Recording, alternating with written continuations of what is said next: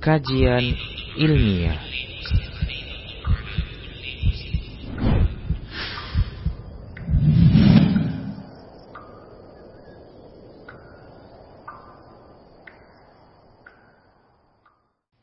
Bismillah, Assalamualaikum warahmatullahi wabarakatuh. Innal hamdalillah nahmaduhu wa nasta'inuhu wa nastaghfiruh wa na'udzu billahi min shururi anfusina wa min sayyiati a'malina. من يهده الله فلا مضل له ومن يضلله فلا هادي له وأشهد أن لا إله إلا الله وحده لا شريك له وأشهد أن محمدا عبده ورسوله صلى الله عليه وسلم قال الله تبارك وتعالى يا أيها الذين آمنوا اتقوا الله حق تقاته ولا تموتن إلا وأنتم مسلمون يا أيها الناس اتقوا ربكم الذي خلقكم من نفس واحدة وخلق منها زوجها وبث منهما رجالا كثيرا ونساء. واتقوا الله الذي تساءلون به والأرحام. إن الله كان عليكم رقيبا. يا أيها الذين آمنوا اتقوا الله وقولوا قولا سديدا يصلح لكم أعمالكم ويغفر لكم ذنوبكم. ومن يطع الله ورسوله فقد فاز فوزا عظيما أما بعد. فإن أصدق الحديث كتاب الله وخير الهدى هدى رسول الله صلى الله عليه وسلم وشر الأمور محدثاتها وكل محدثة بدعة وكل بدعة ضلالة. Wa kulla dalalatin finnar. Para muslim, para pemirsa Rosa TV dan para pendengar radio Medan Mengaji di mana saja Anda berada, rahimani wa rahimakumullah. Alhamdulillah kita senantiasa bersyukur kepada Allah Subhanahu wa taala karena memang sebagai seorang hamba kita diwajibkan untuk bersyukur kepada Allah Subhanahu wa taala. Kemudian selawat dan salam kita ucapkan untuk Nabi kita Muhammad sallallahu alaihi wasallam. Kita berharap kepada Allah Subhanahu wa taala agar Dia memberikan taufik kepada kita untuk kita terus berada di atas ketaatan kepada Rasulnya sampai Allah Subhanahu wa taala mewafatkan kita. Baik para pemirsa Rosa TV dan para pendengar radio Medan Mengaji di mana saja Anda berada, a'azani Allah wa iyyakum. Kita akan lanjutkan kita akan menyebutkan berikutnya tentang afdalul makasib, yaitu usaha-usaha yang paling afdol. Tentunya para muslim rahimahni rahimakumullah. Bentuk usaha yang dilakukan oleh manusia ini beragam berdasarkan ekosistemnya Begitu juga berdasarkan kondisi alam atau berdasarkan ya mungkin dominannya masyarakat tersebut di satu wilayah. Tentunya usaha yang paling afdol bagi setiap orang itu sesuai dengan apa yang cocok dan pantas bagi kondisinya. Tidak bisa kita katakan bahwa secara mutlak bahwasanya satu usaha itu lebih usaha eh, lebih afdol ketimbang yang lainnya. Maka keafdalan ini dilihat kepada apa yang cocok, apa yang sesuai, apa yang pantas bagi setiap orang di wilayahnya, di tempatnya. Tentunya dengan melihat ketentuan-ketentuan syar'inya. Demikian. Seperti contohnya bercocok tanam, eh, produksi, memproduksi satu barang, berdagang, dan yang lainnya.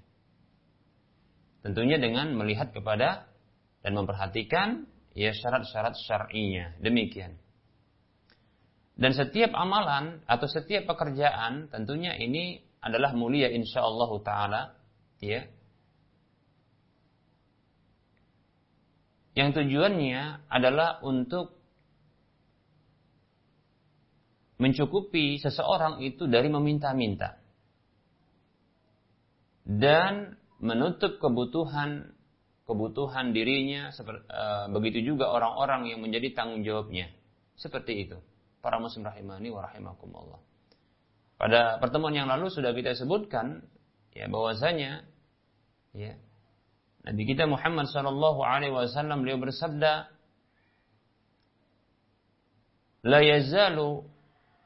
ar-rajulu yas'alun yas'alun nasa hatta ya'tiya yaumal qiyamati wa laysa fi wajhihi muz'atu lahmin. Senantiasa seseorang itu dia minta-minta kepada manusia menengadahkan tangannya, bukan minta kepada Allah, tapi minta kepada manusia. Yang nantinya dia ini ya akan pergi dari orang tersebut, baik itu diberi ataupun tidak diberi. Meminta-minta kepada manusia. Sampai dia datang pada hari kiamat dalam kondisi tidak ada sekerat daging pun di wajahnya. Dzalik. Nah, ini hukuman bagi orang-orang yang suka meminta-minta ya di luar kebutuhannya. Ya. Padahal dia memiliki kebutuhan. Ya para muslim rahimani rahimakumullah. Sesungguhnya ya watak meminta-minta ini ini seperti saya sebutkan ini bisa jadi watak kebiasaan. Karena pekerjaan begitu mudah.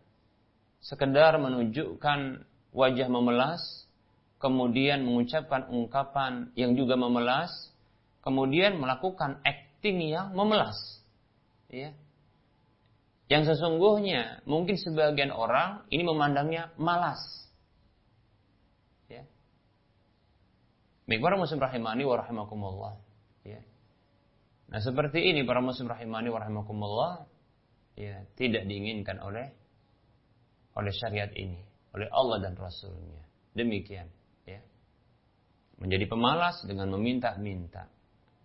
Namun kita juga diajarkan bagaimana beradab kepada mereka untuk tidak membentak seperti yang pernah kita sebutkan dalam surah Ad-Duha Allah berfirman wa amma sa'ila fala tanhar adapun orang yang meminta-minta jangan dibentak ya itu adab hanya saja bukanlah ini menjadi pembenaran ya bagi seseorang itu untuk menjadi peminta-minta tidak ya karena ada ancaman dalam hal ini ya apa ancamannya atau apa standarnya seseorang tersebut dilarang meminta-minta? Yaitu dia memiliki sesuatu yang mencukupi di hari tersebut untuk kebutuhan dia makan, makannya. Dan bagi orang yang menjadi tanggungannya. Demikian. Kita sebutkan pada pertemuan yang lalu juga hadis Nabi Shallallahu Alaihi Wasallam yang beliau bersabda, "Man sa'ala wa indahu ma yughnihi fa innama yastaksiru minan nari. Siapa saja meminta-minta sementara dia memiliki sesuatu yang mencukupi dia, dia dan orang-orang yang menjadi tanggungannya, maka sesungguhnya dia hanyalah sedang memperbanyak api neraka. Para sahabat bertanya, "Wa ma yughnihi ya Rasulullah? Apa yang mencukupi dia wahai Rasulullah?" Maka Rasulullah Shallallahu Alaihi Wasallam bersabda, "An yakuna lahu syab'un, an yakuna lahu syab'u lailatin, yaumin wa lailatin. An yakuna lahu syab'u yaumin wa lailatin." Itu dia memiliki ya sesuatu yang menyenang, mengenyangkan dia di waktu hari itu dan malamnya. Demikian. Kalau seseorang kebutuhan seharinya ya dia 100 ribu kita katakan untuk dirinya atau untuk orang yang menjadi tanggungannya. Istrinya di rumah atau dirinya itu mampu untuk mengolah 100 ribu. Namun dia meminta-minta kepada orang. Berpindah dari satu rumah, pintu rumah, ya, pintu rumah yang satu menuju pintu rumah berikutnya atau mungkin dari satu mobil kaca mobil kepada kaca mobil berikut berikutnya padahal dia memiliki ya mungkin lebih dari 100 ribu, sesuatu yang mencukupinya. Maka ancaman Rasulullah Shallallahu Alaihi Wasallam ini berlaku bagi dirinya, yaitu yaitu dia diancam memperbanyak api neraka, mendapatkan api neraka. Nauzubillah min dzalik. Sebelumnya dia mendapatkan ya dalam kondisi ketika berbangkit tidak memiliki sekerat daging pun ya di wajahnya. Nauzubillah min dzalik. Mengapa? Karena dia sudah kehilangan urat urat malunya. Ya, di dunia. Dia kehilangan urat malunya yang ada pada wajahnya. Kalau seseorang mengalami malu, maka akan tampak pada wajahnya kemerahan. Nah, ini sudah hilang. Tidak ada lagi. Maka balasannya adalah di hari kiamat Allah Subhanahu wa taala akan menghilangkan ya kerat-kerat daging yang ada di wajahnya. Nauzubillah min dzalik. Maka berusaha berusaha baik itu ya bercocok tanam, berkebun atau memproduksi barang atau berdagang ya atau contohnya menjadi buruh yang sesungguhnya buruh ini ya dia sedang menjual jasa ya jasa keahlian yang dimilikinya. Demikian. Ya. Dan ini bukan sebuah yang tercela. Bukan yang tercela para muslim rahimani wa rahimakumullah. Ya. Jika dengannya dia ya mencukupi kebutuhan dirinya dan sesuatu yang diusahakan tersebut masih dalam koridor syar'i, perkara yang dibolehkan, maka sesungguhnya ini menjadi mulia bagi dirinya, ya, menjadi afdol bagi dirinya. Jadi jangan dikira mungkin ada sebagian orang memandang bahwasanya perniagaan itu lebih afdol. Ya, perniagaan itu lebih afdol. Ya. Kita tahu bahwasanya ada sebagian sahabat yang mereka ini ya juga ternyata bekerja kepada sahabat yang lain. Ya. Imam Ahmad dahulu juga pernah bekerja, ya, yaitu menjual jasa keahlian yang dimilikinya. Demikian, ya. Para sahabat sebelumnya juga demikian. Baik para muslim rahimakumullah. Bahkan Rasulullah sebelum diangkat menjadi nabi dan rasul pun beliau pernah ya bekerja. Demikian, bekerja menjadi penggembala kambing. Para muslim rahimani warahmatullah. Bukan sebuah hal yang tercela. Ya, menjadi pegawai, menjadi karyawan. Ya, mungkin bahasa sekarang menjadi buruh begitu. Maka tidak masalah, bukan sebuah yang tercela. Yang tercela adalah meminta-minta. Ya. Yang tercela adalah berusaha tapi dengan usaha yang yang haram. Demikian para muslim rahimani wa rahimakumullah.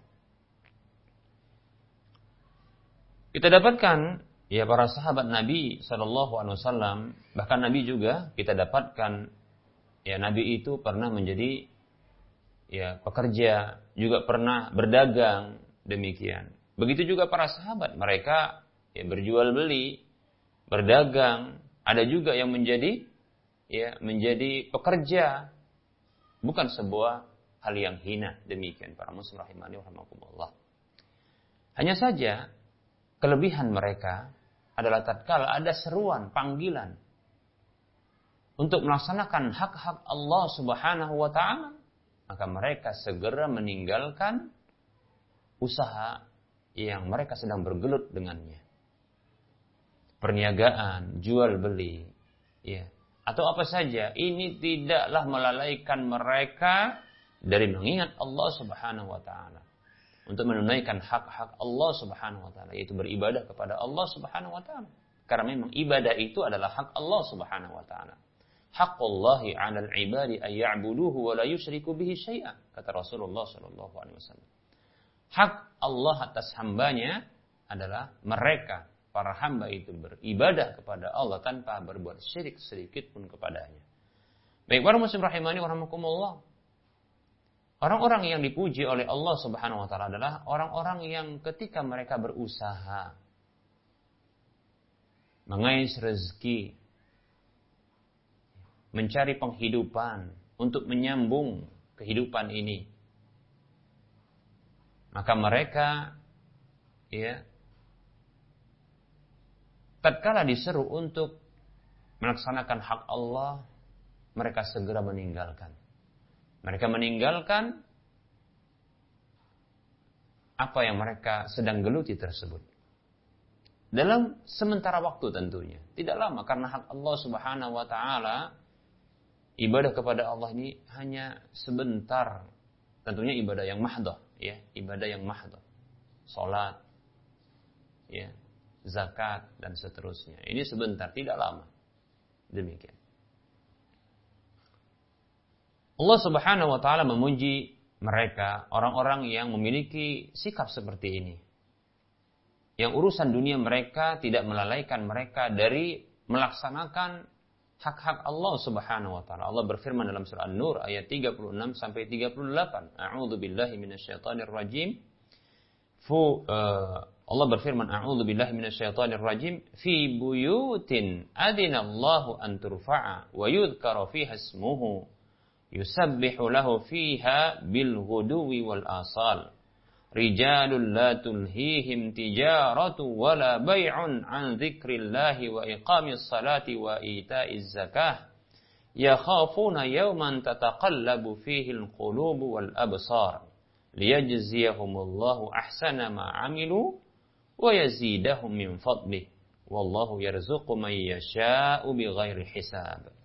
Allah berfirman yang artinya cahaya-cahaya cahaya itu ada di rumah-rumah yang Allah Subhanahu wa taala telah memberikan izin untuk diangkat, dimuliakan.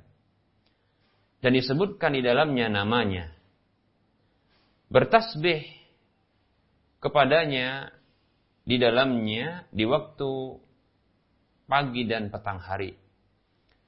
Orang-orang yang mereka tidak dilalaikan oleh perniagaan dan jual beli mereka dari mengingat Allah dan mendirikan salat serta menunaikan zakat. Mereka takut pada hari mereka takut dengan sebuah hari yang di dalamnya hati-hati dan penglihatan itu berbolak-balik. Terguncang agar Allah Subhanahu wa taala membalas mereka dengan sesuatu yang terbaik dari apa yang mereka amalkan dan agar dia yaitu Allah Subhanahu wa taala menambahkan untuk mereka dari karunia-Nya. Dan Allah adalah pemberi rezeki kepada siapa saja yang dia kehendaki tanpa batas. Baik para muslim rahimani wa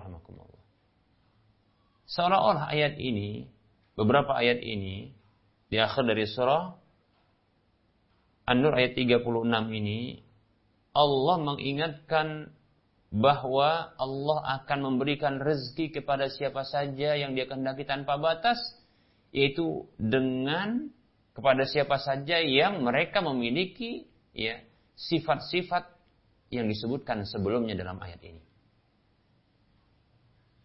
Selain mendapatkan ya, balasan pahala dan tambahan karunia, Allah Subhanahu wa taala akan memberikan rezeki tanpa batas kepada siapa saja yang dikehendakinya. Di antaranya adalah tadi orang-orang yang mereka tidak dilalaikan oleh perniagaan dan jual beli mereka dari hak-hak Allah Subhanahu wa taala untuk melaksanakan hak-hak Allah Subhanahu wa taala. Luar biasa. Ya. Mestinya demikianlah ya seorang mukmin dan muslim yang tidak hanya ya, bergelut hanya dengan dunia saja. Padahal mereka meyakini mereka akan mati. Dan kematian itu bukan akan kembali lagi reinkarnasi seperti keyakinan sebagian orang-orang musyrik. Ya. Tidak demikian. Mereka meyakini bahwasanya akan berakhir kehidupan dunia ini menuju kehidupan berikutnya akhirat. Dan itu kehidupan yang abadi kekal selamanya. Dan itu cuma ada dua saja akhirnya. Surga atau neraka. Na'udzubillah min dzalik. Neraka ini kita tidak inginkan. Demikian. Tapi mereka adalah orang-orang yang terlalaikan. Dan semoga Allah Subhanahu wa taala memberikan kepada kita taufiknya dan mereka kaum muslimin dan bahkan semua manusia ya untuk mendapatkan hidayah Allah Subhanahu wa taala senantiasa mendapatkan taufik dari Allah Subhanahu wa taala untuk bisa menunaikan hak-hak Allah Subhanahu wa taala. Demikian para muslim rahimani warahmatullah. Apa hukum berusaha? Apa hukum berusaha? Para muslim rahimani warahmatullah. Hukum dari berusaha itu mencari rezeki untuk menafkahi diri dan menafkahi orang yang menjadi e, tanggungannya, orang yang menjadi tanggung jawabnya, memberikan nafkah kepadanya. Maka ini wajib. Wajib. Nah, kalau wajiblah hukumnya, maka tentunya ketika melaksanakannya itu mendapatkan pahala. Nah, sebagian orang ada yang mereka ini begitu dangkal. Ya. Begitu sempit pemahaman tentang ibadah. Mereka anggap ibadah itu adalah apa saja berkaitan dengan masjid. Berkaitan dengan sholat. Dengan zikir. Membaca Quran. Zakat. Puasa, haji. Mereka kira ini adalah ya hanya sekedar inilah ibadah. Para muslim rahimani wa Betul, ini adalah ibadah, tapi disebut dengan ibadah mahdoh. Yang murni dia ibadah. Tidak ada urusan duniawi padanya. Demikian. Namun para muslim rahimani wa ternyata ya, ibadah itu lebih luas lagi maknanya. Syekhul Islam Ibnu Taimiyah rahimahullahu taala mengatakan tentang makna ibadah. Al-ibadatu hiya ismun jami'un lima yuhibbuhu Allah wa yardahu minal aqwali wal af'ali. Ibadah itu adalah sebuah istilah yang mencakup apa saja yang dicintai dan diridhoi oleh Allah Subhanahu wa taala. Baik itu berupa perkataan maupun perbuatan yang lahir maupun yang batin. Jadi, ada perkataan dan perbuatan yang lahir maupun yang batin bila dia dicinta dan diridhoi oleh Allah Subhanahu wa taala. Yang tanda cinta dan ridho Allah itu adalah Allah perintahkan. Maka itu adalah ibadah.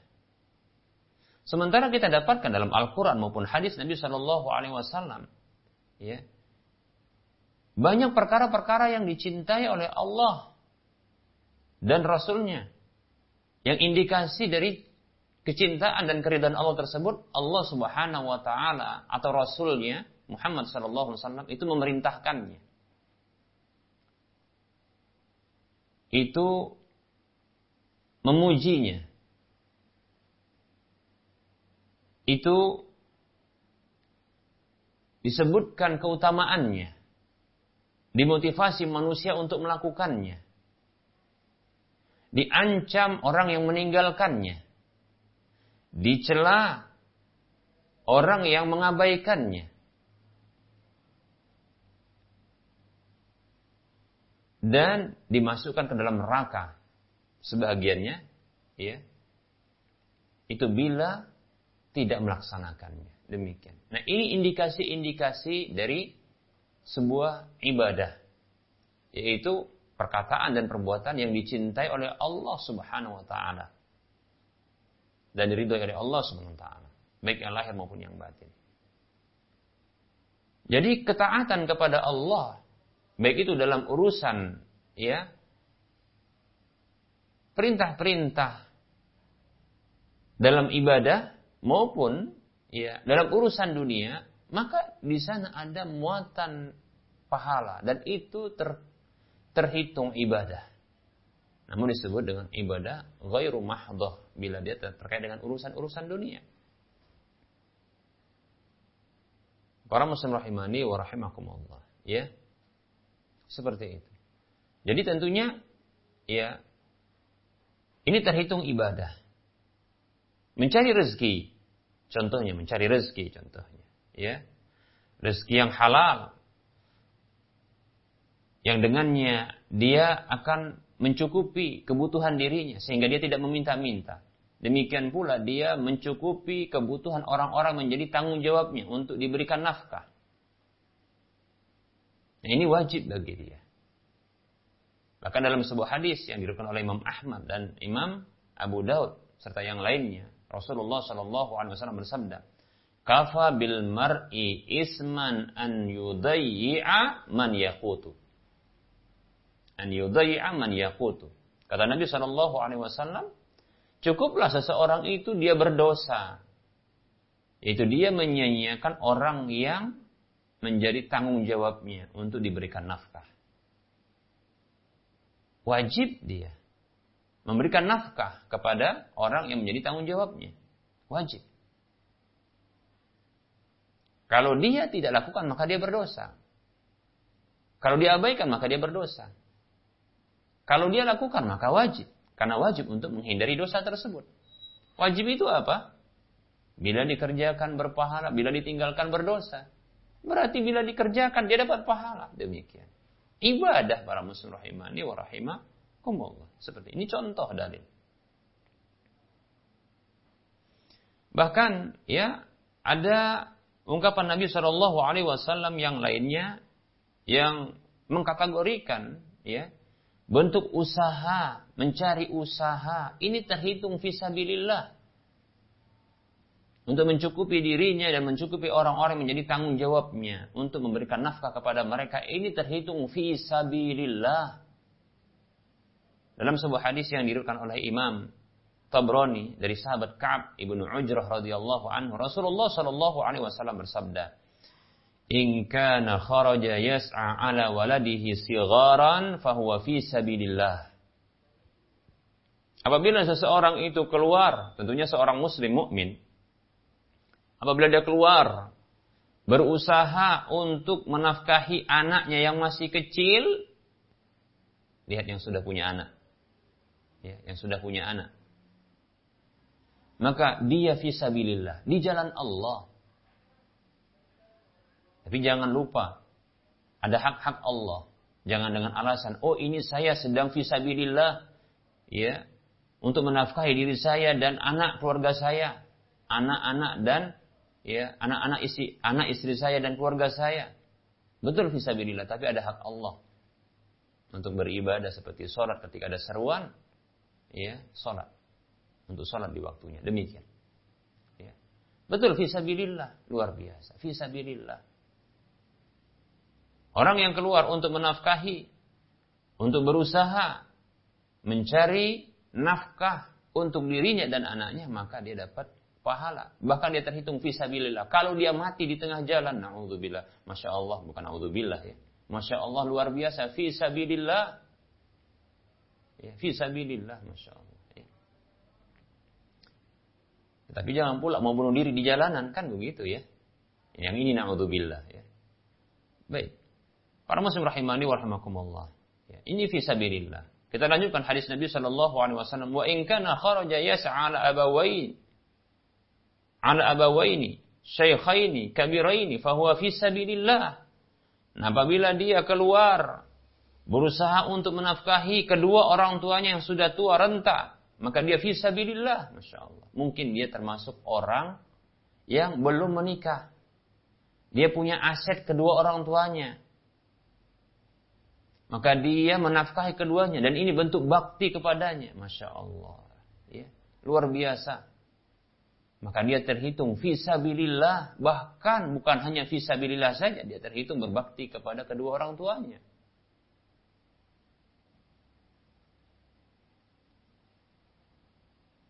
Nah berikutnya. Wa inkana kharaja yas'a ala nafsihi. Ala nafsihi ya'ufuha. Fahuwa visabilillah.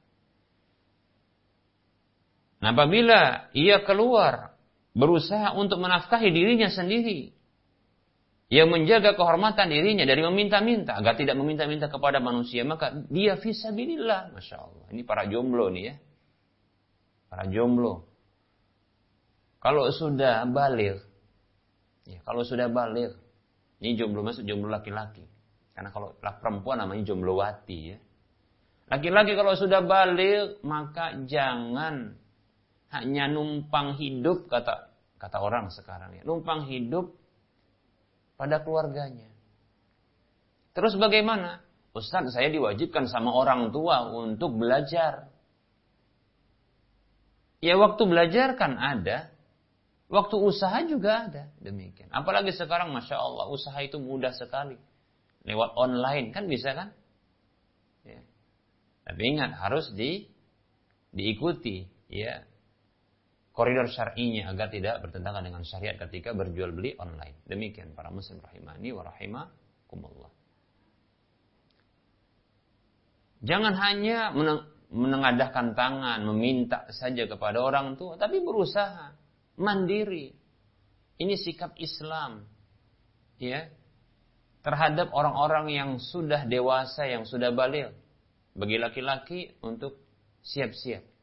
Karena dia akan menanggung dirinya sendiri, lalu menanggung orang lain, berikutnya adalah istrinya, berikut anaknya, dan kemudian orang tuanya. Demikian para laki-laki ya. Demikian. Jadi kalau seseorang saya acungkan jempolnya untuk Masya Allah anak-anak muda yang dia tidak hanya berharap kepada orang tuanya saja. Bahkan ya dalam kondisi barangkali ya, ketika orang tuanya siap untuk menafkahi dia, membiayai pendidikannya, malah dia mampu untuk berusaha sendiri menafkahi dirinya, ya kemudian ya membiayai sekolahnya bahkan adik-adiknya. Demikian. Bahkan mampu untuk memberikan hadiah kepada orang tuanya. Demikian. Saya ajukan jempol. Ya luar biasa orang seperti ini. Para muslim rahimani warahmatullah ya namun perlu juga kita perhatikan bila ada seseorang seorang laki-laki masih muda dan dia dibiayai oleh orang tuanya untuk sekolah, untuk belajar. Baik itu mungkin sekolah menengah atas atau mungkin perguruan tinggi. Yang orang tuanya menginginkan agar anak tersebut selesai dengan baik, maka penuhi hal ini. Ini prioritas. Karena itu bentuk bakti kepada orang tuanya. Bila gagal, maka ini akan mengecewakan kedua orang tuanya. Maka silakan ini prioritas. Hanya saja bisa coba lakukan, ya biasakan untuk mandiri. Paling tidaklah biaya pendidikan itu dari orang tua. Namun untuk jajan, mungkin untuk makan di luar, maka coba dari diri sendiri. Kalau diberikan mungkin oleh orang tua, maka coba ini sedekahkan, infakkan di jalan Allah atas nama orang tua. Begitu caranya. Adapun untuk diri sendiri, maka cari dengan cara yang halal.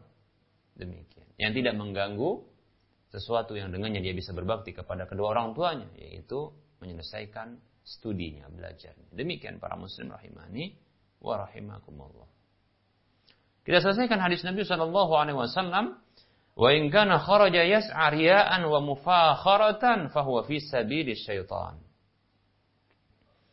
Namun apabila dia keluar, dia berusaha, tapi dalam kondisi riak, pamer, dan mufakharah yaitu berbangga-bangga dengan harta yang dimilikinya. Jadi dia cari dunia ini berusaha hanya untuk berbangga.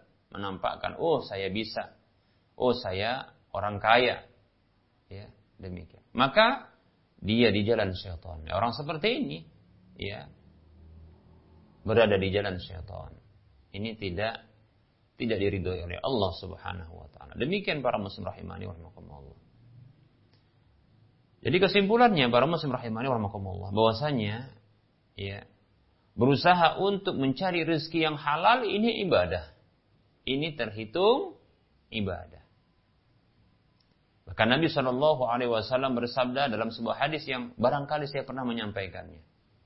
Nabi Shallallahu Alaihi Wasallam bersabda, Ayuhan nas, wahai manusia, wahai manusia, ittaqullah bertakwalah kepada Allah, wa ajmilu fit talab Perbaguslah di dalam mencari rezeki.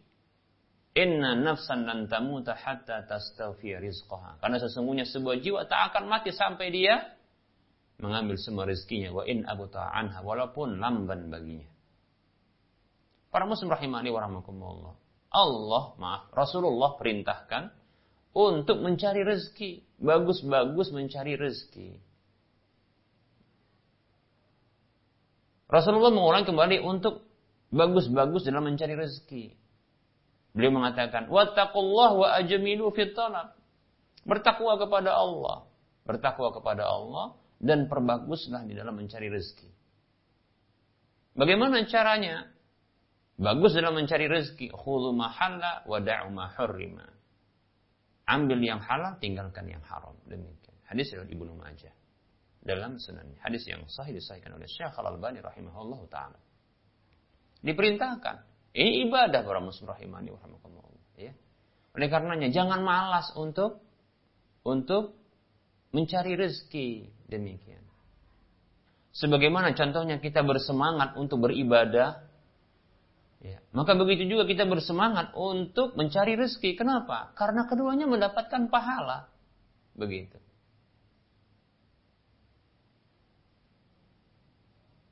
Kesimpulannya adalah kita harus bersemangat untuk mencari yang dengannya kita akan mendapatkan keridoan dan kecintaan Allah Subhanahu maka dipastikan sesuatu yang kita cari tersebut, yang kita usahakan tersebut, baik itu ibadah atau apa saja, itu diperintahkan oleh Allah. Diridhoi oleh Allah. Dicintai oleh Allah. Yang indikasinya ada perintah di sana. Ada pujian kalau berinteraksi dengannya. Ya. Ada motivasi-motivasi. Ada pahala-pahala di sana atau ada celaan bila meninggalkannya ya. Atau ada ancaman-ancaman ketika mengabaikannya. Bahkan mungkin adanya balasan neraka azab bagi siapa saja yang tidak melaksanakannya. Para muslim rahimahni wa rahimakumullah.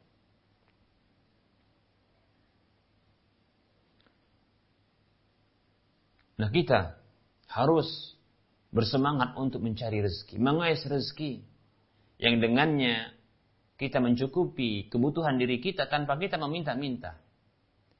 Yang dengannya kita bisa mencukupi untuk memenuhi kebutuhan orang-orang menjadi tanggungan kita. Anak, istri maupun orang tua kita. Tidak boleh meminta-minta. Berusaha terlebih dahulu. Demikian. Para muslim rahimani Dan sebaik-baik usaha. Kalau mau dikatakan seafdol-afdol usaha adalah usaha yang dilakukan dengan tangannya sendiri. Demikian. Dan hadisnya sudah kita sebutkan pada waktu yang lalu. Ya. Demikian para muslim rahimani warahmatullah. Ya. Nah di antaranya tentunya ya bentuk perniagaan, jual beli, ya, menjadi pekerja, begitu juga bercocok tanam dan seterusnya. Maka asalkan tidak ada ya, bertentangan pertentangan dengan syariat, maka ini adalah satu yang afdal tentunya. Demikian para muslim rahimani rahimakumullah. Sebuah hadis dari Abu Hurairah radhiyallahu anhu bahwasanya Rasulullah shallallahu alaihi wasallam bersabda, "Walladzi nafsi biyadihi la an ya'khudha ahadukum hablahu fayahtatiba ala dhahrihi khairun lahu min an ya'tiya rajulan fayas'alahu a'tahu au mana'ahu muttafaqun alaihi. Kata Nabi Rasulullah sallallahu alaihi wasallam, demi Allah zat yang jiwaku berada di tangannya. Sampai bersumpah Rasulullah sallallahu alaihi wasallam. Dan sumpahnya itu adalah sumpah dengan menyebutkan jiwa beliau. Ya. Demi Allah zat yang jiwaku berada di tangannya.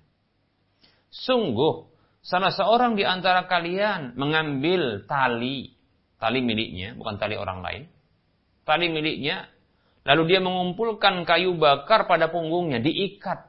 Masya Allah.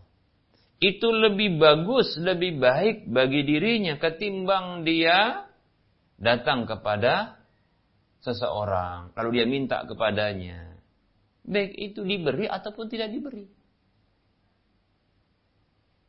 Malu kita. Ini hadis riwayat Bukhari Muslim. Malu tentunya ya. Jujur kita katakan, berhutang saja yang nanti kita wajib bayar, kita malu, muka kita sudah rasanya ya merah panas begitu ya. Ini malu kita. Padahal hutang ini akan dibayar dan itu masih ada beban bagi kita. Saya katakan, mana yang lebih terhormat? Berhutang atau meminta-minta? Maka saya katakan, lebih terhormat berhutang. Makanya sebahagian ya sahabat mereka lebih suka berhutang ketimbang meminta. Ya, meminta. Demikian para muslim rahimani wa rahimakumullah. Ya. Apalagi Rasulullah Shallallahu Alaihi bahkan beliau pernah berhutang demikian. Ya. Tidak meminta. Nah kalau di antara kita ada yang lebih suka meminta lalu diberi, ketimbang dia berhutang lalu diberi, lebih suka, lebih enjoy begitu. Maka ini ada yang salah pada dirinya. Ya. Maka kalau seseorang saja ketika dia berhutang dia harus sudah mendapatkan rasa malu contohnya. Ya. Malu. Diberi dia malu. Ditolak lebih malu kan begitu ya. Berhutang ditolak malu.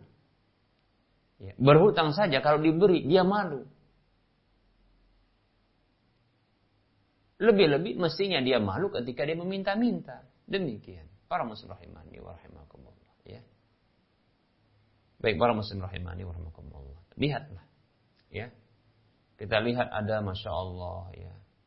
Kalau di zaman dahulu, ini memungut kayu bakar, cari kayu bakar di hutan. Ya. Kayu bakar tentunya adalah kayu-kayu kering yang telah patah. Ya.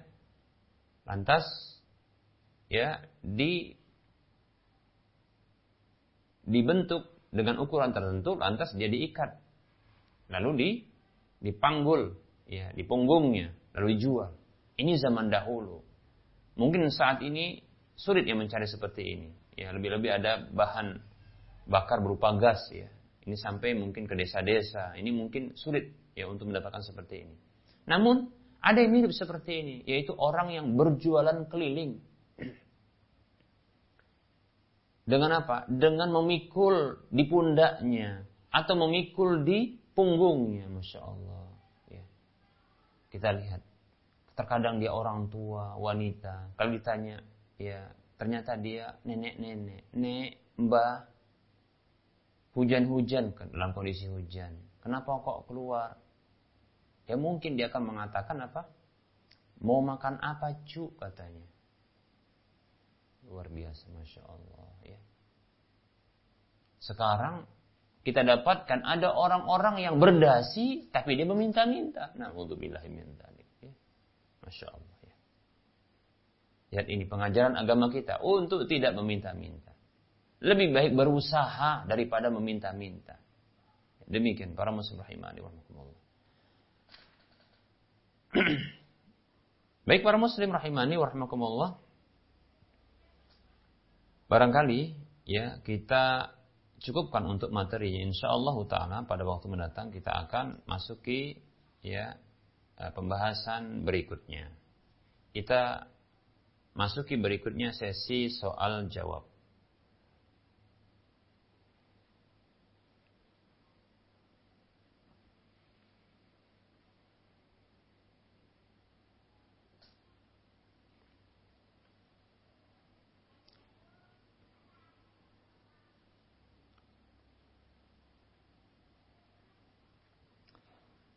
Baik para muslim rahimani wa rahmakumullah.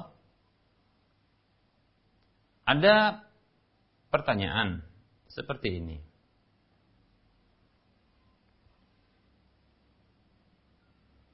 Bismillah, Assalamualaikum Ustaz. Waalaikumsalam warahmatullahi wabarakatuh. Afan Ana mau bertanya mengenai muamalah. Apa dinar dan dirham itu mata uang yang disunnahkan untuk bermuamalah dalam Islam? Dan apa jika kita bertransaksi dengan uang kertas yang sekarang ini termasuk riba, syukran Ustaz, Ustaz jazakallahu khairan wa yang jazallah. Baik di sini ada kesalahpahaman ya sebahagian orang yang mereka oh, begitu getol dan semangatnya untuk mengembalikan alat tukar yang saat ini beredar dengan emas dan perak Sebenarnya apa yang mereka lakukan ini bagus dari sisi kelebihan yang ada pada emas. Bukan perak ya, emas. Ya. Karena ternyata kita dapatkan ya, perak pun mengalami ya penurunan. Berbeda dengan emas. Maka kita katakan, kita jawab terlebih dahulu, ya bahwasanya penggunaan emas dan perak sesungguhnya tidaklah khusus di zaman Nabi Shallallahu Alaihi Wasallam.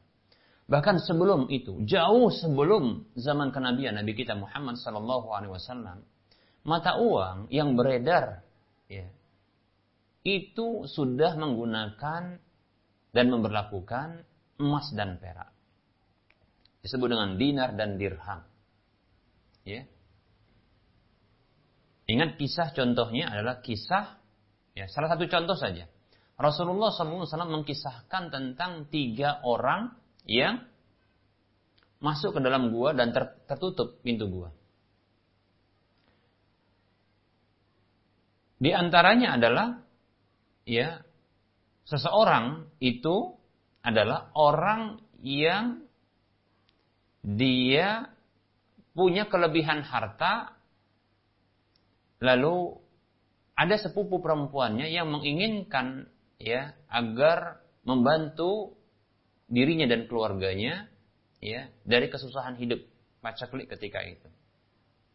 Maka sang orang ini orang ini memberikan harta berupa dinar. Sekian dinar. Lihat dinar. Lihat dan seterusnya kisah-kisah yang banyak. Ini menunjukkan bahwasanya memang ya dinar dan dirham ini ini berlaku di, di umat-umat sebelum Islam diberlakukan. Jadi bukan khusus ya zaman Nabi SAW. Nah ini kesalahan sebagian orang dianggap bahwasanya ya dina dan dirham ini khusus di zaman Nabi Shallallahu Alaihi Wasallam. Ya.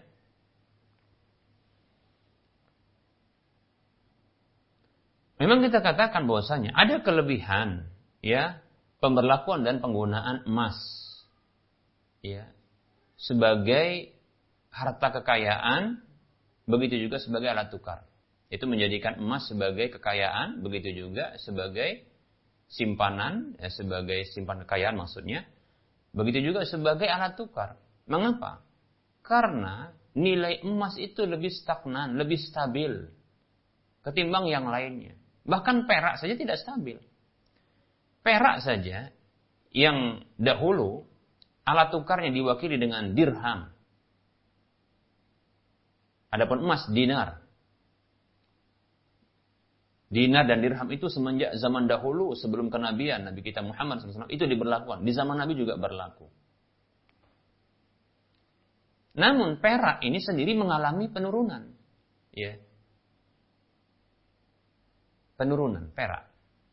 Demikian para muslim rahimani wa rahimakumullah, ya. Maka kita katakan para muslim rahimani wa rahimakumullah, ya. Emas memiliki kelebihan. Apa di antara kelebihannya? Ya, emas itu relatif stabil dan aman ketika mengalami inflasi ketimbang alat tukar yang lainnya termasuk perak. Ya. Perak, ya. Di zaman dahulu ketika menjadi alat tukar yang disebut dengan dirham pun mengalami dampak ya inflasi, penurunan, ya. Berbeda dahulu dahulu ya dahulu ya satu keping dirham, maaf, satu keping dinar itu senilai dengan 20 dirham. Ya. Satu keping dinar dahulu itu sama dengan ya dua keping 20 keping dirham demikian. Namun sekarang masya Allah jauh sekali. Satu gram emas ya, itu bisa sampai ber ya, berkilo-kilo dari perak. Coba bayangkan ya satu gram emas sekarang itu nilainya adalah kurang lebih sekitar 600 kita katakan saat ini 600 ribu rupiah. 600 ribu rupiah. Satu gram emas. Emas 24 karat atau emas London atau semisalnya ya. Adapun satu gram perak ini Masya Allah cuma berapa? Cuma se, mungkin 10 ribu ya, fluktuatif. Ya. Atau sekian. Tidak sampai dua, 30 eh, ribu, 40 ribu. Ya demikian. Padahal kalau dikali dikalikan 20, katakanlah 10 ribu kali 20, baru 200 ribu. Belum bisa menyamai perak. Belum bisa menyamai emas. Demikian ya. Nah ini dia. Makanya kita katakan ini penurunan yang sangat drastis. Perak pun mengalami demikian. Oleh karenanya kalau kita katakan kita mengembalikan ya ya emas dan perak saat ini sebagai alat tukar, ya, apakah bisa juga aman? Aman dari apa? Riba. Nah, kita katakan tentu tidak, ya, tidak juga. Dugaan bahwasanya emas dan perak sebagai alat tukar yang aman dari riba maka kita katakan bahwa emas dan uh, emas dan perak pun ya ini bisa berlaku riba pada transaksinya kalau tidak mengikuti aturan syar'i. Buktinya perhatikan ada hadis Nabi Shallallahu Alaihi Wasallam kata Nabi Shallallahu Alaihi Wasallam, "Az-zahabu bil-zahabi, wal fiddatu bil-fiddati, wal burru bil burri, wal syairu bil syairi, wal tamru bil tamri, wal milhu bil milhi, mislan bimislin." yadan biyadin.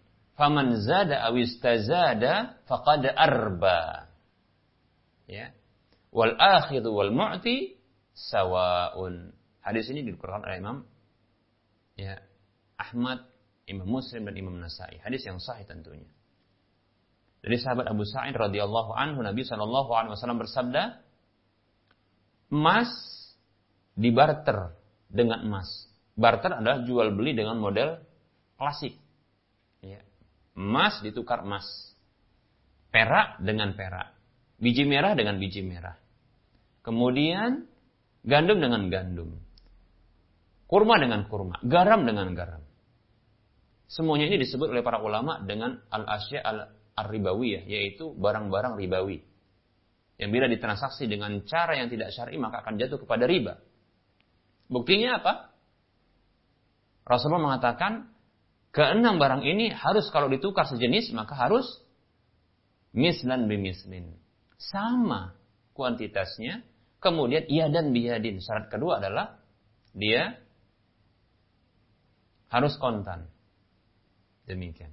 Kata Nabi SAW, Faman zada awistazada faqad arba. Siapa saja yang menambah. Tidak diminta tapi dia menambah. Awistazada atau dia minta tambah. Tambahlah.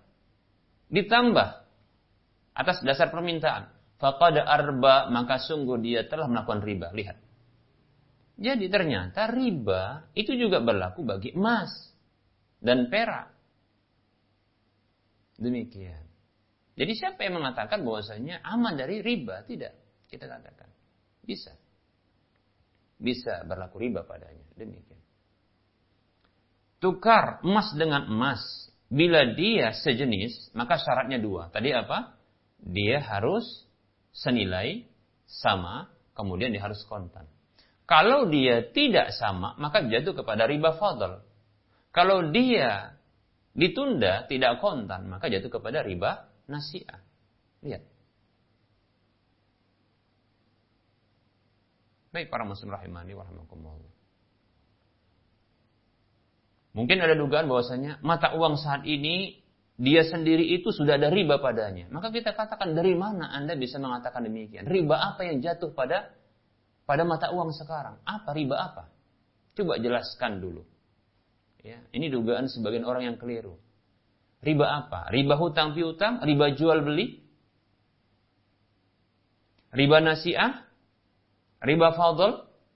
Dia mau dijerat dengan pasar riba pasar riba yang mana? Mata uang sekarang. Sementara para ulama, mereka, jumhur ulama, mereka ya, menyamakan mata uang ini itu dengan dinar dan dirham. Karena dinar dan dirham di zaman dahulu sebagai alat tukar. Maka alat tukar apa saja di zaman ini disamakan dengan dinar dan dirham. Demikian. Maka sama fungsinya. Walaupun tidak sama nilainya. Tapi dari sisi fungsi maka sama. Yaitu dia sebagai saman. Alat tukar. Demikian para muslim rahimahni wa Demikian ya. Seperti itu. Kita tidak pungkiri bahwasanya memang ya emas ini ada kelebihan. Ya kalau seandainya pun saat ini bisa ya diarahkan kepada emas, bagus. Bahkan saya pribadi menyarankan kepada sebahagian orang ya sebenarnya kepada keseluruhan kalau mau menyimpan kekayaan maka simpanlah dalam bentuk emas. Demikian. Mengapa? Karena lebih stagnan, lebih stabil tidak termakan inflasi. Demikian para muslim rahimani wa rahimakumullah. Demikian para muslim rahimani wa rahimakumullah. Wallahu taala a'lam.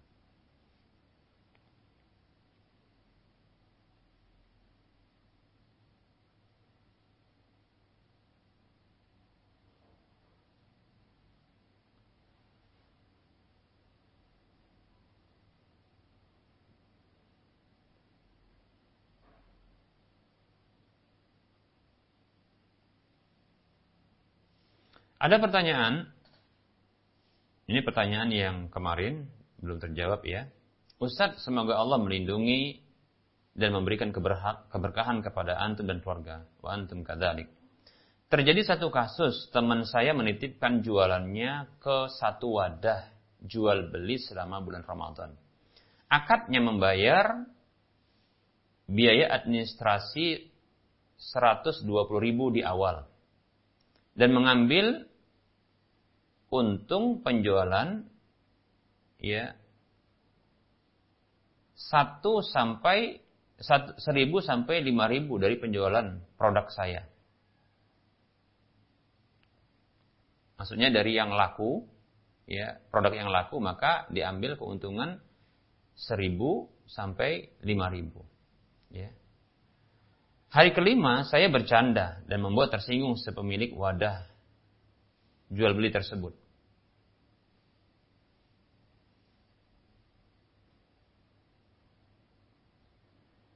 Barang-barang dagangan saya kembalikan.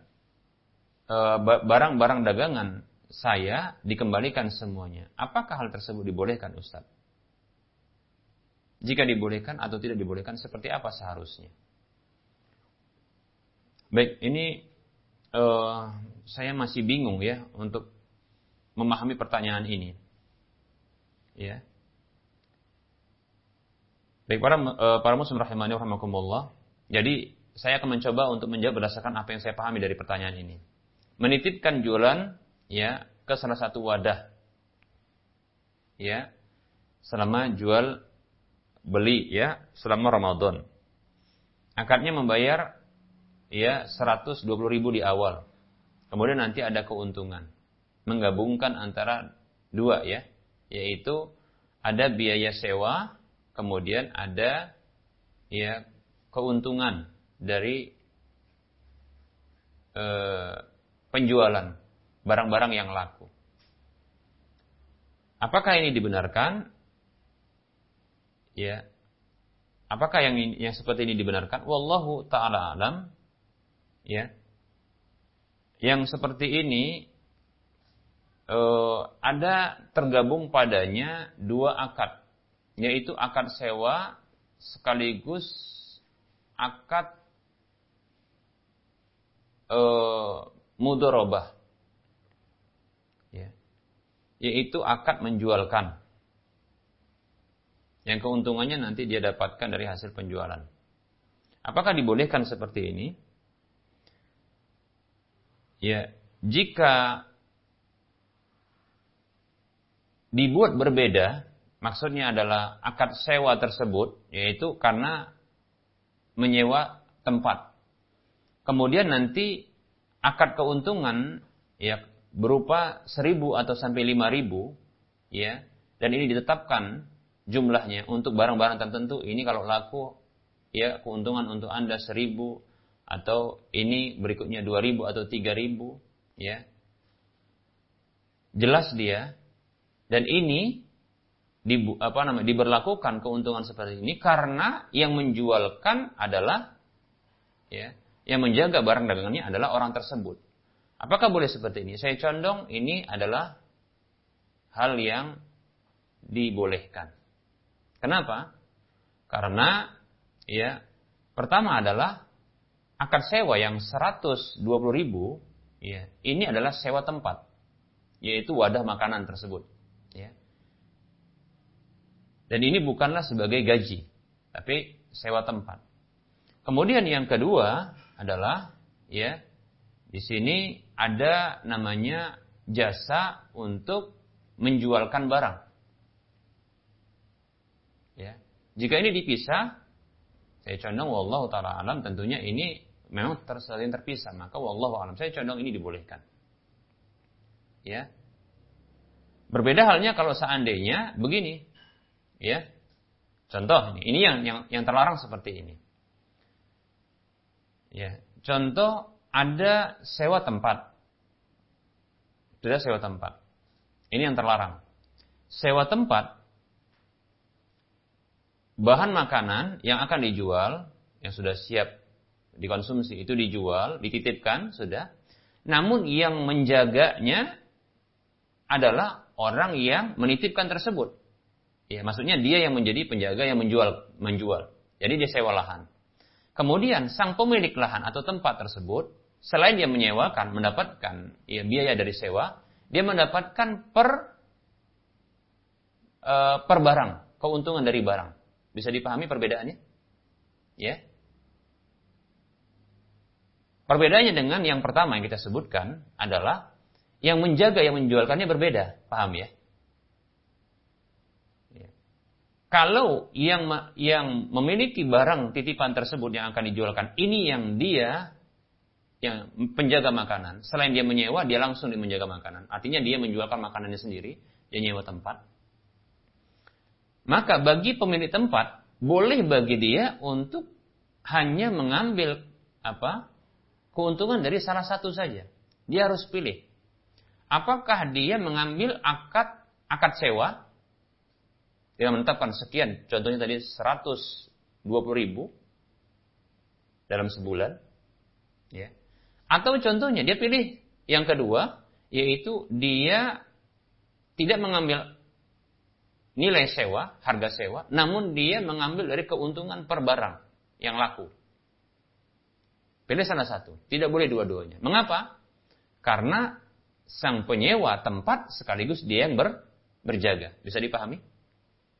Adapun kasus yang pertama tadi yang kita sebutkan adalah orang menitipkan barang, ya, lantas dikenakan biaya, yaitu apa? Sewa tempat, karena ada tempat yang disewa. Itu contohnya tempat sewa tersebut adalah dia berupa box begitu ya. Box ya maka dianggap sewa ini 120 ribu plus ya karena yang menjualkan adalah orang lain ya yaitu contohnya menjualkan adalah sang pemilik tempat tersebut dia menjual sekaligus menjual maka boleh bagi dia sebagai bentuk imbalan dari hasil penjualan tersebut untuk mendapatkan keuntungan disebutkan tadi, asalkan dia jelas keuntungannya. Tentunya barang-barangnya kan beragam. Ada yang mungkin dia lebih mahal, ada yang lebih murah, maka yang lebih murah untungnya seribu barangkali. Yang ini dua ribu, yang ini tiga ribu. Asalkan jelas diberitahu. Kalau nanti ini laku, untungnya seribu untuk Anda. Ini laku dua ribu, ini tiga ribu untungnya. Ini lima ribu seperti itu. Dan tentunya diberitahu apa namanya eh, nilai jualnya demikian. Maka yang seperti ini dibolehkan. Pemilik tempat itu dia mendapatkan dua dua keuntungan. Pertama adalah dari nilai sewa tempat, kemudian yang kedua dari lakunya barang. Wallahu taala alam. Dua hal yang berbeda. Ya, demikian.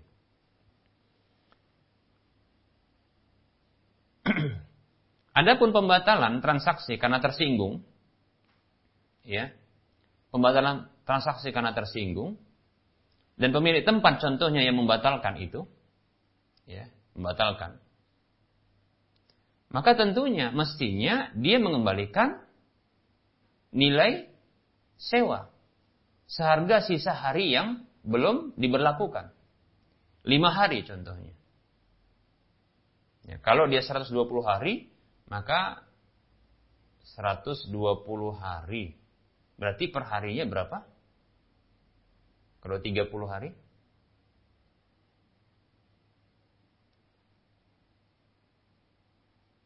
120 120 ribu.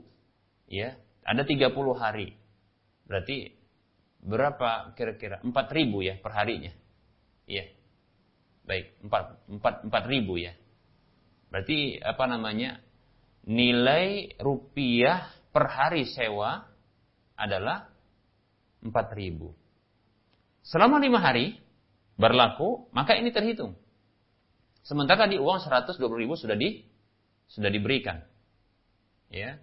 120 ribu sudah diberikan. Maka ketika terjadi pembatalan sepihak, karena mungkin tersinggung atau faktor e, faktor yang lain sepihak, ya, yang ini disengaja dibatalkan, bukan dari pihak yang menyewa yang membatalkan.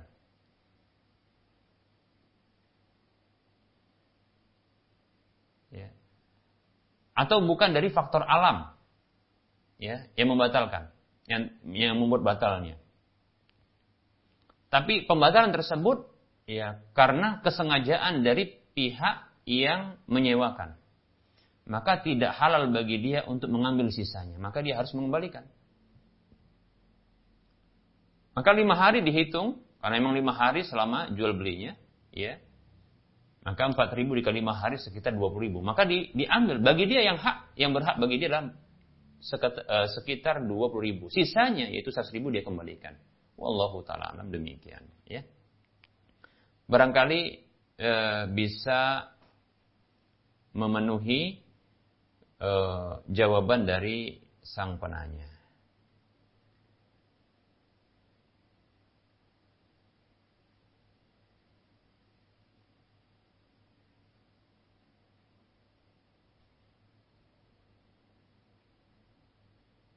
Ada pertanyaan di studio?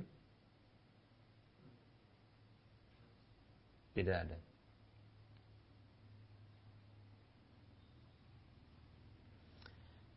Baik para muslim rahimani rahmakumullah. Ada pertanyaan berikutnya. Assalamualaikum Waalaikumsalam warahmatullahi wabarakatuh. Ustaz, anak Abu Abdullah Kepahyang.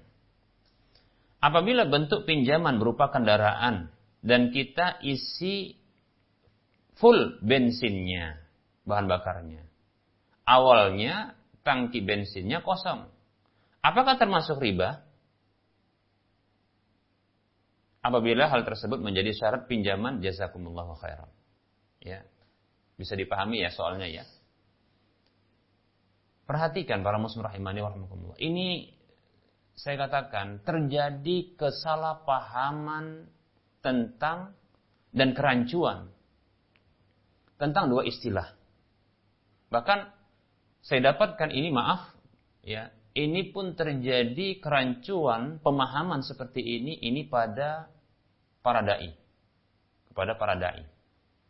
Yang tidak bisa membedakan antara istilah pinjam meminjam dengan hutang piutang. Bahkan mereka ya menyamakan pinjam meminjam dengan hutang piutang. Ini jauh berbeda para muslim rahimani warahmatullah. Dan harus dijelaskan berbeda. Ya. Perhatikan. Hutang piutang adalah menyerahkan barang, kemudian nanti digunakan barang dan dihabiskan, nanti akan digantikan dengan sesuatu yang senilai dengannya. Ya. Artinya, fisik barang tersebut berbeda ketika dikembalikan pada waktu yang telah ditentukan. Ini hutang piutang, maka jadi hutang piutang. Adapun pinjam meminjam adalah ya memberikan barang ya menyerahkan barang. Lalu barang tersebut dipergunakan dan dikembalikan ya barang yang sama fisik yang sama zat yang utuh yang sama juga. Demikian. Ini namanya pinjam meminjam. Contoh untuk hutang piutang adalah menyerahkan uang. Uang diserahkan, kemudian digunakan. Nanti akan digantikan fisik uang yang lain, senilainya. Itu namanya hutang. Dan tidak bisa berlaku uang ini dengan disebut pinjam meminjam. Adapun pinjam contohnya seperti sepeda motor, sepeda motor ini. Kecuali kalau memang nanti mau di, diganti dengan yang lain. Ya. Disepakati untuk diganti dengan yang lain. Maka ini namanya hutang piutang. Namun ini bukan hutang. Karena menyerahkan sepeda motor, kendaraan, kemudian nanti dipergunakan dan dikembalikan fisik yang sama. Zat yang utuh, yang itu juga. Namanya ini pinjam meminjam. Dari sisi definisi berbeda. Dari sisi konsekuensi pun berbeda. Jika ada kesepakatan, sebelumnya saya akan sebutkan. Hutang piutang tidak hanya berlaku bagi uang. Namun bisa berlaku juga pada barang. Di zaman Rasulullah SAW ini pernah ya hutang piutang berupa uh, hewan. Rasulullah pernah berhutang hewan unta ya berhutang hewan unta. Lalu lantas ya tentunya ya diganti dengan unta yang berbeda. Demikian. Dan juga disebut hutang barang adalah seperti dalam jual beli salam atau jual beli salaf. Yaitu menyerahkan uang di awal akad kemudian terhutang barang dalam bentuk spesifikasi yang lengkap. Nah, ini adalah terhutang barang, hutang. Demikian. Baik para muslim rahimani wa rahimakumullah. Antara hutang piutang dengan pinjam meminjam ini memiliki konsekuensi yang berbeda. Apabila hutang piutang disepakati adanya tambahan baik di awal akad atau di pertengahan akad belum jatuh tempo atau ketika jatuh tempo diminta adanya tambahan Dan tambahan tersebut atas dasar kesepakatan atau persetujuan ya. Maka tambahan ini terhitung dia riba. Kecuali apabila tambahan tersebut atas dasar kerelaan bagi orang yang berhutang ya untuk mengembalikan dengan tambahan tanpa ada kesepakatan dan tanpa ada permintaan. Tanpa ada persetujuan. Ketika mengembalikan ya hutang tersebut dikembalikan lalu ditambah dengan sukarela oleh orang yang berhutang. Ya. Maka seperti ini dikecualikan. Karena Rasulullah SAW itu pernah melakukannya. Ya, kasus tadi tentang hewan. Yang pernah Rasulullah berhutang dengan hewan unta. Lantas Rasulullah ketika diminta, beliau meminta kepada diminta hutang tersebut untuk dibayar, maka Rasul meminta kepada para sahabat untuk mencari hewan tersebut dengan usia yang diminta oleh orang tersebut sesuai dengan apa yang beliau pernah berhutang. Namun tidak didapatkan kecuali hewan unta yang lebih tua usianya. Artinya ini lebih. Maka Rasulullah ya mengatakan tuh berikan kepada dia. Lalu Rasul mengatakan khairukum ahsanukum qadaan. Orang yang terbaik di antara kalian adalah orang yang yang terbaik di dalam membayar hutang. Tidak ada kesepakatan, tidak ada persetujuan. Demikian. Maksudnya persetujuan di awal, di pertengahan tidak ada. Dikecualikan hal ini. Kalau disepakati maka menjadi riba. Kullu qardin jarra nafan fahuwa riba. Setiap hutang piutang yang menarik keuntungan, apa saja bentuk keuntungannya maka adalah riba. Demikian. Apa saja? Uang, maka tidak ada, setahu saya, tidak pernah ada orang itu pinjam uang. Yaitu, istilah pinjam, mengembalikan fisik uang yang di, di, diterimanya. Contoh saya pinjam uang. Ya. Lalu saya pinjam, katakanlah 500 ribu. Nama orang yang meminjam, yang yang memberikan pinjaman kepada saya, itu namanya adalah ya Amri.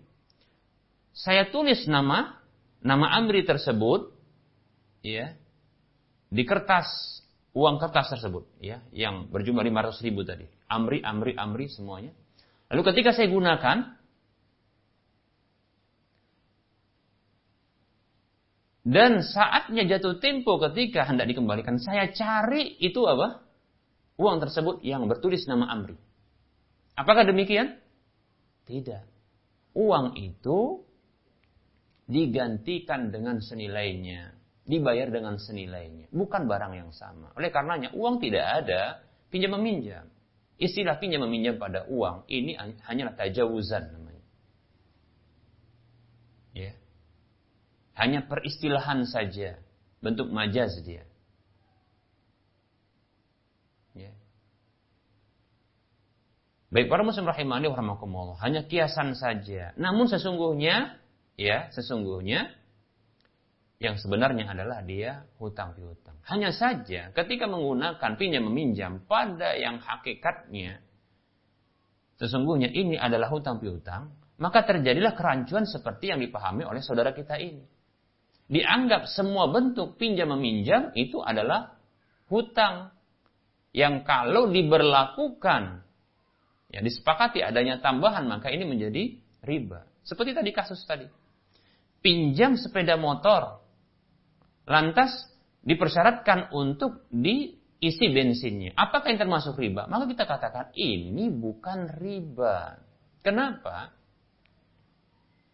Karena ini pinjam meminjam bukan hutang piutang. Ya. Karena barangnya itu akan kembali utuh. Fisiknya itu juga sebagaimana yang di awal peminjaman tersebut. Maka dikembalikan barang yang sama fisik yang sama, benda yang sama, demikian. Ya. Bila disepakati adanya tambahan, maka saya condong ini termasuk terhitung dia ijarah, yaitu akad sewa menyewa. Maka tambahan tersebut terhitung ujrohnya, yaitu imbalannya. Demikian. Tidak termasuk riba. Demikian para muslim rahimani wa Ini pahami, mohon dipahami. Oleh karenanya coba biasakan memisahkan, membedakan memilih ya istilah pinjam dengan hutang. Oleh karenanya, ya, jangan pernah lagi ketika berinteraksi dengan uang, ketika ini hendak berhutang dengan uang, itu disebut dengan pinjam. Jangan supaya nggak keliru. Ya. Makanya istilah ketika hendak pinjam uang itu salah. Yang benar hutang uang.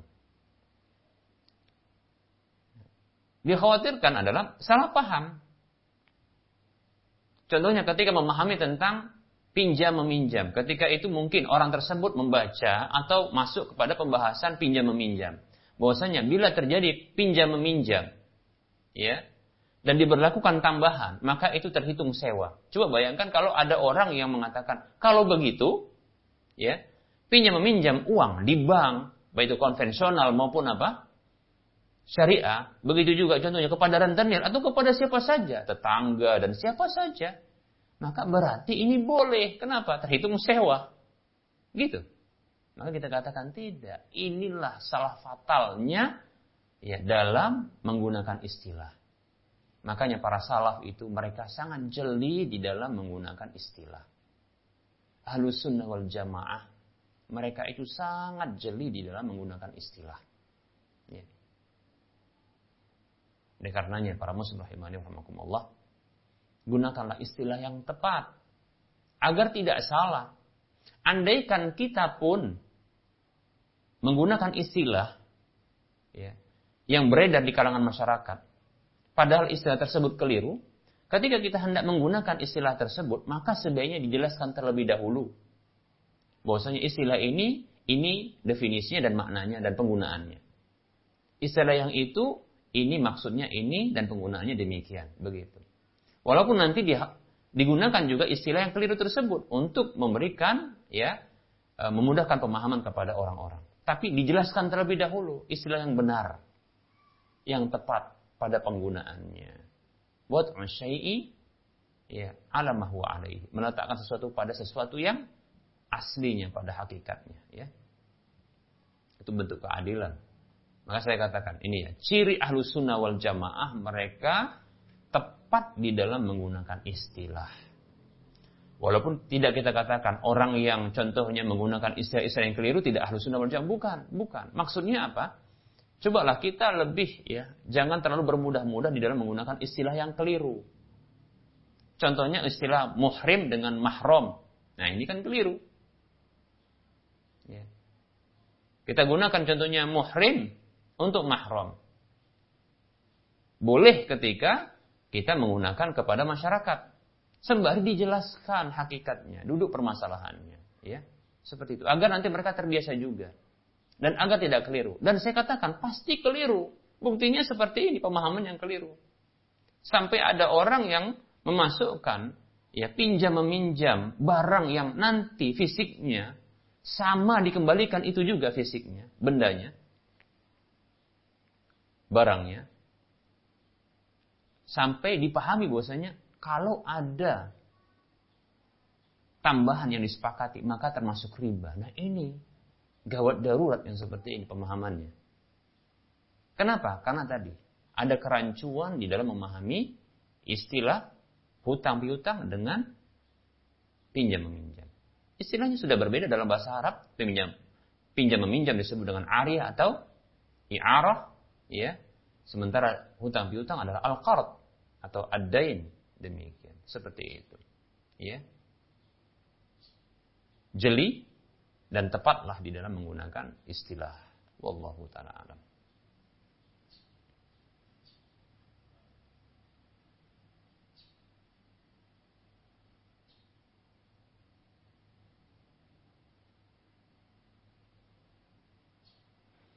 Ada pertanyaan, bagaimana jika kita sudah terlibat di dalam riba? Terus kita sadar, mohon ampun sama Allah. Tobatnya diterima? Apakah tobatnya diterima? Misalnya orang ambil uang di bank, buka usaha. Terus di tengah jalan dia sadar. Tapi ia tak mampu langsung melunasi, melunasinya. Ia tetap harus membayarnya per bulan. Tapi ia tahu kalau salah dan tobat. Apakah Allah menerima tobatnya? Baik, kita katakan untuk orang seperti ini, ya, ya, bersegera untuk taubat, ya, Yatubullahu man taba. Allah menerima taubat orang yang bertaubat kepadanya. Demikian. Taubat terlebih dahulu. Taubat. Konsekuensi taubat adalah menghentikan ya tindakan atau kesalahannya. Tindakan kesalahan dan dosanya. Demikian dihentikan. Namun tidak mampu karena dia harus me, apabila dosa tersebut dosa contohnya riba, tidak mampu karena dia harus melunasi. Maka kita katakan, ya, bentuk kesungguhan di dalam bertobat dari riba ini, dari riba yang contohnya seperti ini karena berhutang di bank, ya,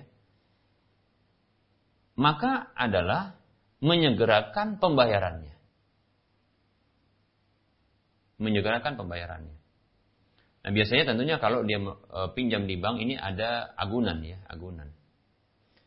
Nah apabila mampu untuk membayar sesuai dengan apa namanya, sesuai dengan nominal hutang, modal hutangnya, maka ini yang dituntut. Adapun kelebihannya, contoh kalau pinjam 50 juta dan nanti setelah ditotal dikembalikan sekitar 60 atau sekitar 75 juta. Maka lunasi 50 juta.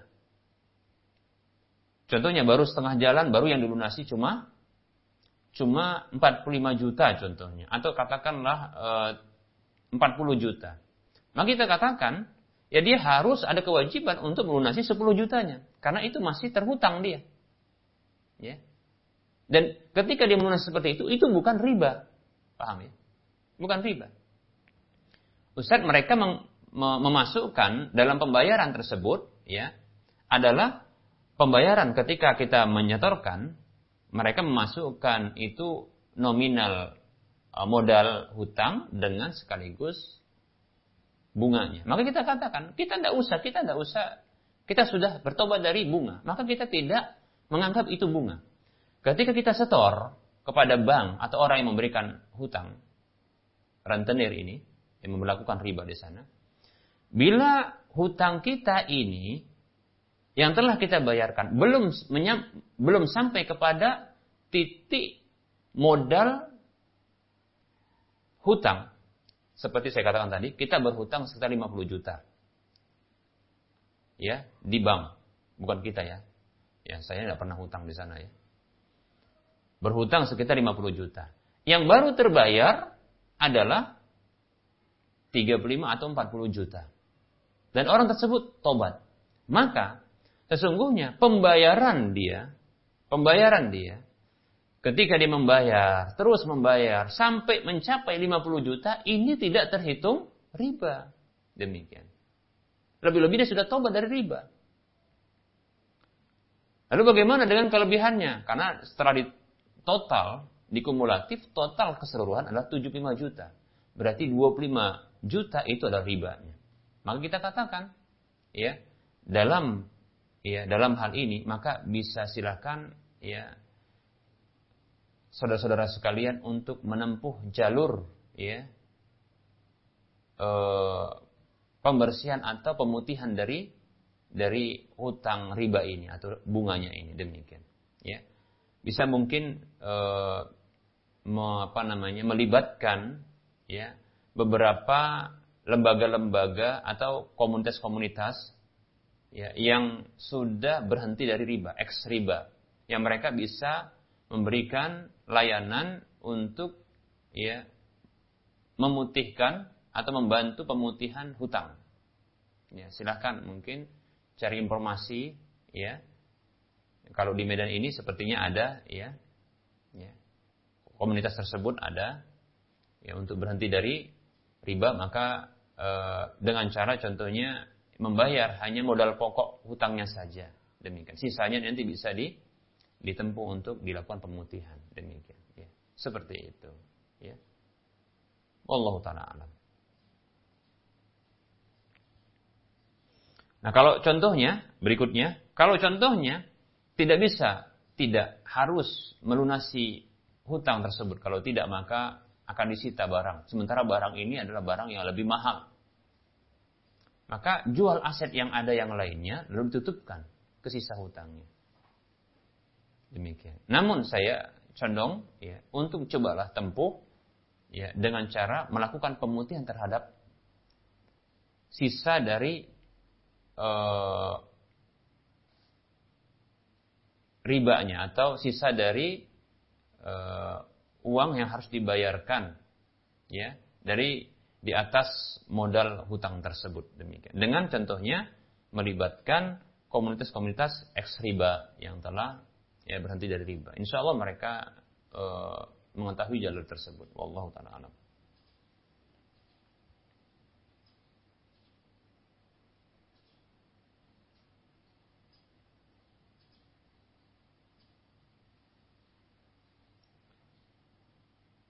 Cukup kira ya. Baik, pertanyaannya kita cukupkan beserta dengan uh, penyampaian materi insya Allah taala kita akan lanjutkan pada waktu mendatang. Tentunya dalam penyampaian ini terdapat kekurangan, kekeliruan, kesalahan. Maka kepada para pemirsa dan pendengar sekalian saya mohon maaf dan kepada Allah saya mohon ampun. Kebenaran apa saja yang saya sampaikan maka ambillah kesalahan dan kekurangan. Serta kekeliruan maka buanglah. Kita tutup kajian kita dengan mengucapkan wasallallahu ala Muhammad wa ala alihi wa ashabihi ajma'in. Subhanakallahumma wa bihamdika asyhadu an la ilaha illa anta astaghfiruka wa atubu ilaika walhamdulillahi rabbil alamin. Assalamualaikum warahmatullahi wabarakatuh